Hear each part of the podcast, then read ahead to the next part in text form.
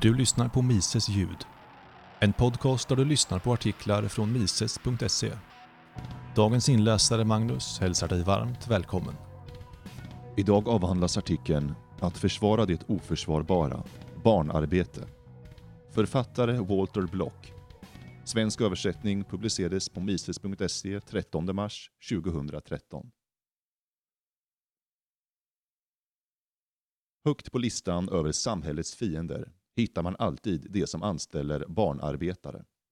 Grymma, kallhjärtade, utsugande, listiga och onda. I allmänhetens ögon är barnarbete närmast att likna vid slavarbete och den som använder barnarbetare inte mycket bättre än en slavägare. Det är viktigt att rätta denna uppfattning. Rättvisan kräver det eftersom majoritetens uppfattning i denna fråga är fullständigt felaktig. Den genomsnittliga användaren av barnarbete är precis lika vänlig, välvillig och sympatisk som alla andra. Till denna kommer att barnarbete är en hedervärd samhällsinstitution med en lång och ärorik historia i samhällets tjänst. Och bovarna i detta drama är inte arbetsgivarna, utan snarare de som förbjuder en fri marknad för barnarbete. Dessa välgörare är ansvariga för det okända lidandet hos de som på grund av dem tvingas ifrån sina arbeten. Även om den skada de gjorde var större i det förflutna, då den utbredda fattigdomen gjorde omfattande barnarbete mer nödvändigt, lever många människor fortfarande under svåra omständigheter. Dagens förbud mot barnarbete är därför en orättfärdig inblandning i deras liv. Den första punkten i försvaret är att den som anställer barnarbetare inte har tvingat någon att bli anställd. Alla avtal på arbetsmarknaden är fullständigt frivilliga. Som sådana skulle det inte komma till stånd om det inte uppfattades som gynnsamma av samtliga parter. Men på vilket sätt kan ett arbetsavtal med ett barn betraktas som fullständigt frivilligt? Implicerar inte fullständig frivillighet ett medvetande som ett barn inte är kapabelt till? För att besvara denna fråga måste man beakta den korrekta definitionen av begreppet barn. Detta är en uråldrig frågeställning som aldrig fullständigt blivit besvarad. Vi kommer hur som helst att betrakta ett flertalet åldersgränser som har föreslagits som skiljelinjen mellan barndom och vuxendom, analysera dem och sedan erbjuda ett alternativ. Bland de tidigaste åldersgränserna mellan barndom och vuxendom har vi det som förts fram av olika religioner. Konfirmationsåldern, vilken oftast infaller i början av tonåren eller ännu tidigare, är den ålder då många religioner definierar vuxendomens början. Men personen, barnet, vid exempelvis 13 års ålder är också, utom i mycket speciella undantag, fortfarande omogen, relativt hjälplös och okunnig om de förmågor som krävs för att klara sig själv. Därför måste den förkastas. Nästa förslag på åldersgräns är 18 år. Den brukar föreslås därför att det är den åldern unga män i USA blir värnpliktsmyndiga. Men även denna ålder uppvisar problem om den ska användas som kriterium för vuxendom. Vi kan börja med att fråga oss om krigande är ett vuxet beteende. Allt som oftast är krigandet just motsatsen till vuxet beteende. Dessutom att bara följa order, vilket är A och O för värnpliktiga, kan inte betraktas som ett paradigm för vuxenhet. Till detta kommer att värnplikten är ofrivillig. Om valet att lyda order hade sprungit ur ett frivilligt val, typ gå med i en orkester och sedan lyda dirigentens alla musikaliska ordrar, skulle värnplikten i viss mån kunna liknas vid ett vuxet beteende. Eftersom värnplikten har sin grund i ofrivillighet kan 18-årsgränsen inte sägas vara gränsen mellan barn och vuxen. Ett annat problem med 18-årsgränsen är den ursprungliga anledningen till vår frågeställning. Nämligen oron att de som har barn skulle vara oförmögna att ingå frivilliga kontrakt på egen hand.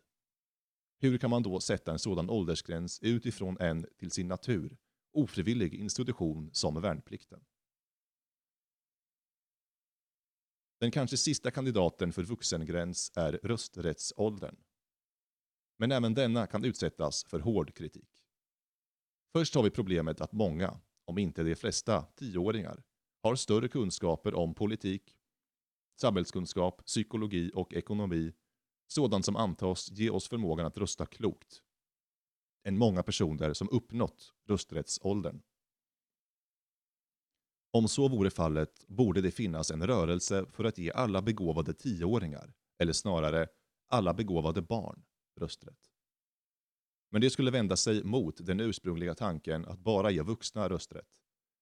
Detta cirkelresonemang visar att rösträttåldern bara är ännu en godtycklig gränslinje. På samma sätt kan vi se att alla andra godtyckliga definitioner av vuxenskap saknar grund.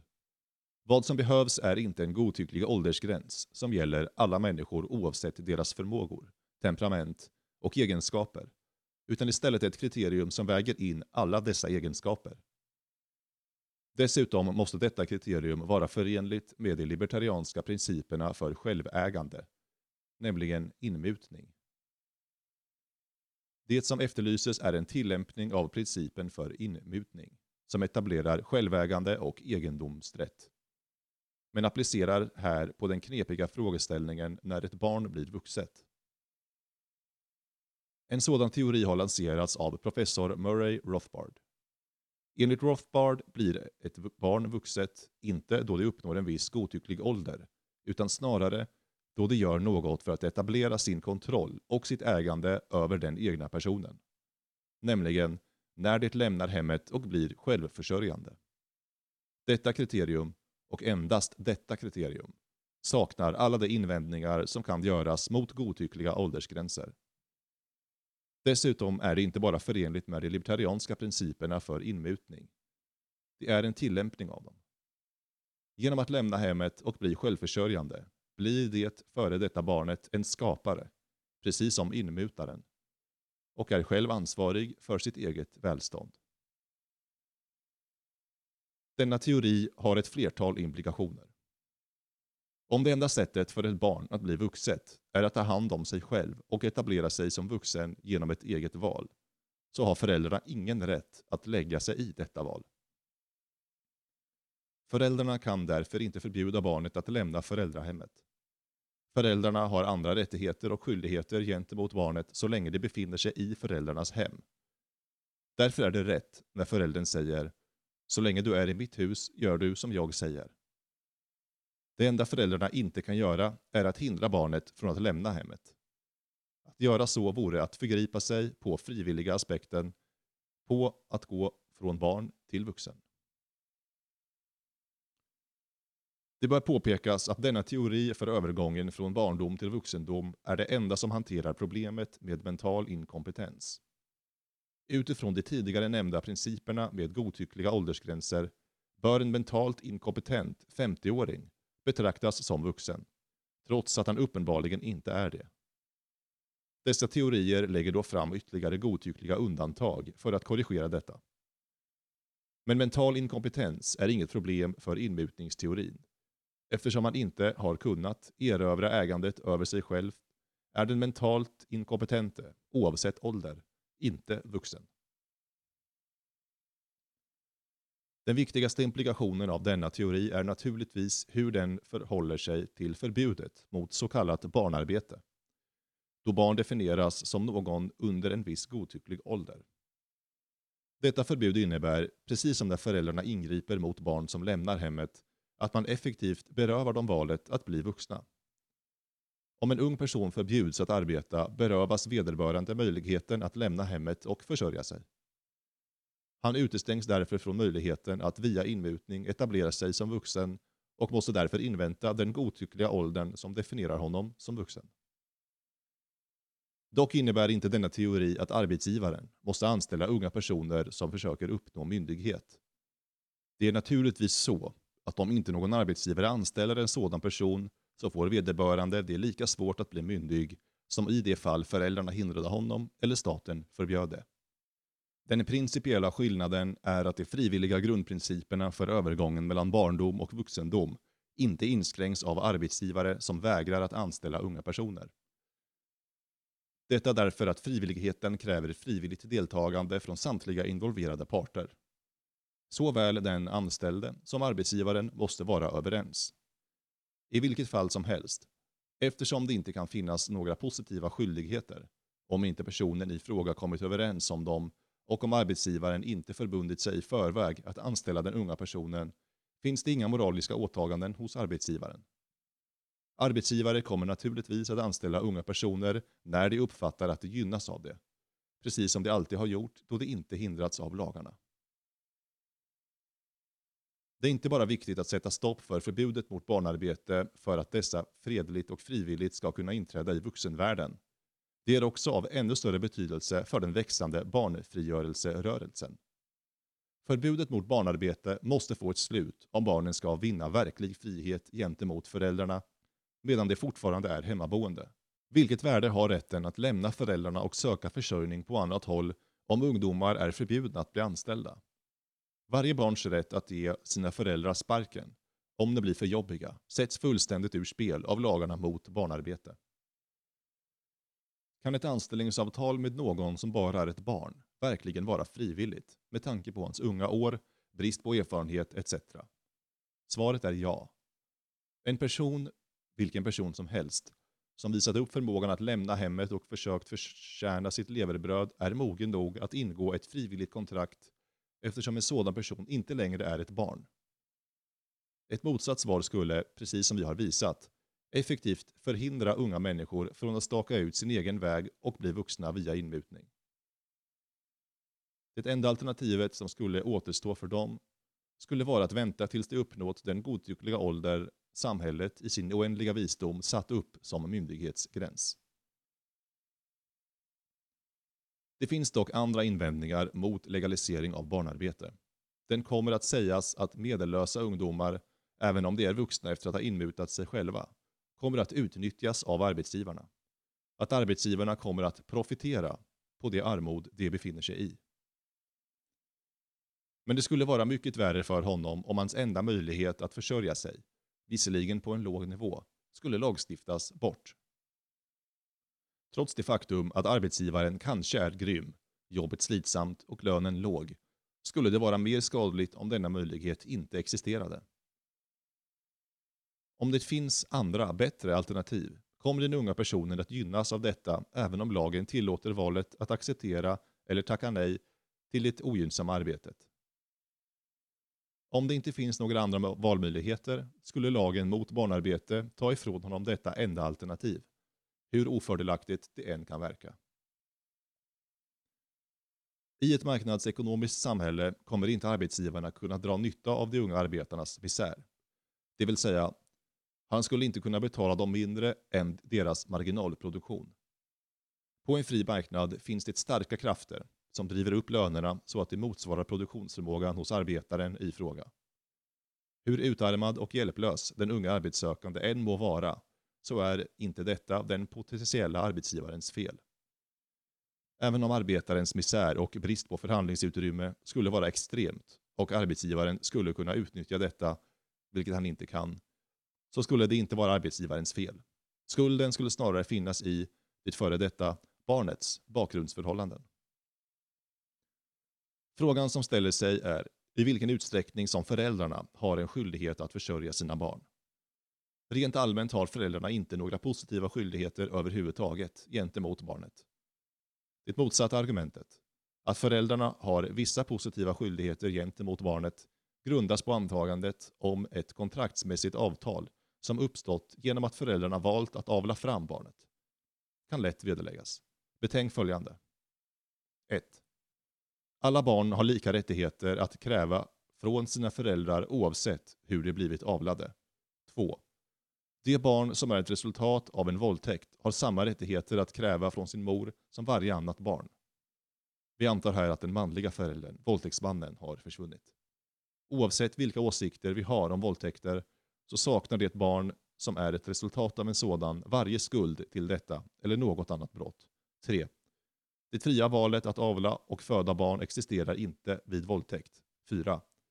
Eftersom argumentet att föräldern har några positiva skyldigheter gentemot barnet bygger på att befruktningen skett frivilligt och därmed innefattar ett underförstått kontrakt är detta inte giltigt vid våldtäkt då åtminstone kvinnan inte gett tillstånd till våldtäkten. 5. Alla barn, då de är lika oskyldiga till varje brott, trots alla teorier om motsatsen av typen, arvssynd, har lika rättigheter att kräva från sina föräldrar. Eftersom alla sådana rättigheter antas härröra från befruktningens frivilliga natur och det barn som föds som ett resultat av en våldtäkt uppenbarligen saknar denna frivilliga aspekt har detta inte några rättigheter att kräva från sin kvinnliga förälder. Men det har samma rättigheter som alla andra barn. Därför har inga barn alls några positiva rättigheter att kräva från sina föräldrar. Det är inte heller direkt eller intuitivt uppenbart att det finns någon annan grund att basera några skyldigheter från föräldrarna gentemot barnen på. Givet att enbart en frivillig överenskommelse från förälderns sida kan vara grunden för skyldigheter gentemot barnen och detta argument inte håller, är det uppenbart att det inte finns några positiva skyldigheter från föräldrarna gentemot barnen. Inga positiva skyldigheter innebär att föräldrarna inte har fler skyldigheter att mata, klä och inhysa det egna barnet än han har gentemot andra människors barn, eller för den delen andra vuxna som på intet sätt har någon relation med honom genom släktskap, överenskommelser etc. Detta innebär dock inte att föräldern har rätt att döda barnet. Lika lite som han har rätt att döda andra personers barn har han rätt att döda sina egna barn, eller snarare det barn som är hans avkomma. När föräldern tar på sig föräldrarollen blir han en sorts förvaltare för barnet. Om föräldern önskar ge upp den roll som han eller hon frivilligt tagit på sig eller inte tar på sig den i första hand, så är han eller hon fullständigt fri att göra så. Föräldern kan lämna bort barnet för adoption, eller göra det som gamla seden påbjöd, lämna barnet på kyrktrappan eller till någon välgörenhetsorganisation som specialiserar sig på sådant. Men föräldern har inte rätt att hålla barnet gömt i något hörn i huset utan mat eller vägra att lämna det till adoption och vänta på att det ska dö. Att göra så vore jämställt med mord. Ett brott som alltid måste fördömas strängt. Den förälder som gömmer undan sitt barn och samtidigt låter det svälta, för att inte med våld mörda det, har avsagt sig förvaltarskapet eller den föräldraroll som andra skulle kunna tagit på sig. Kanske föräldrarollen som förvaltare blir klarare om man inför en hierarki av inmutningar. Barnet befinner sig i en kategori mellan vuxendom och ett djur. Om en vuxen person hjälper en annan vuxen person blir han inte på grund av enbart denna hjälp ägare av den andra vuxne. Om en vuxen person tämjer ett djur och genom sina insatser gör djuret produktivt för människor kan han därigenom bli dess ägare.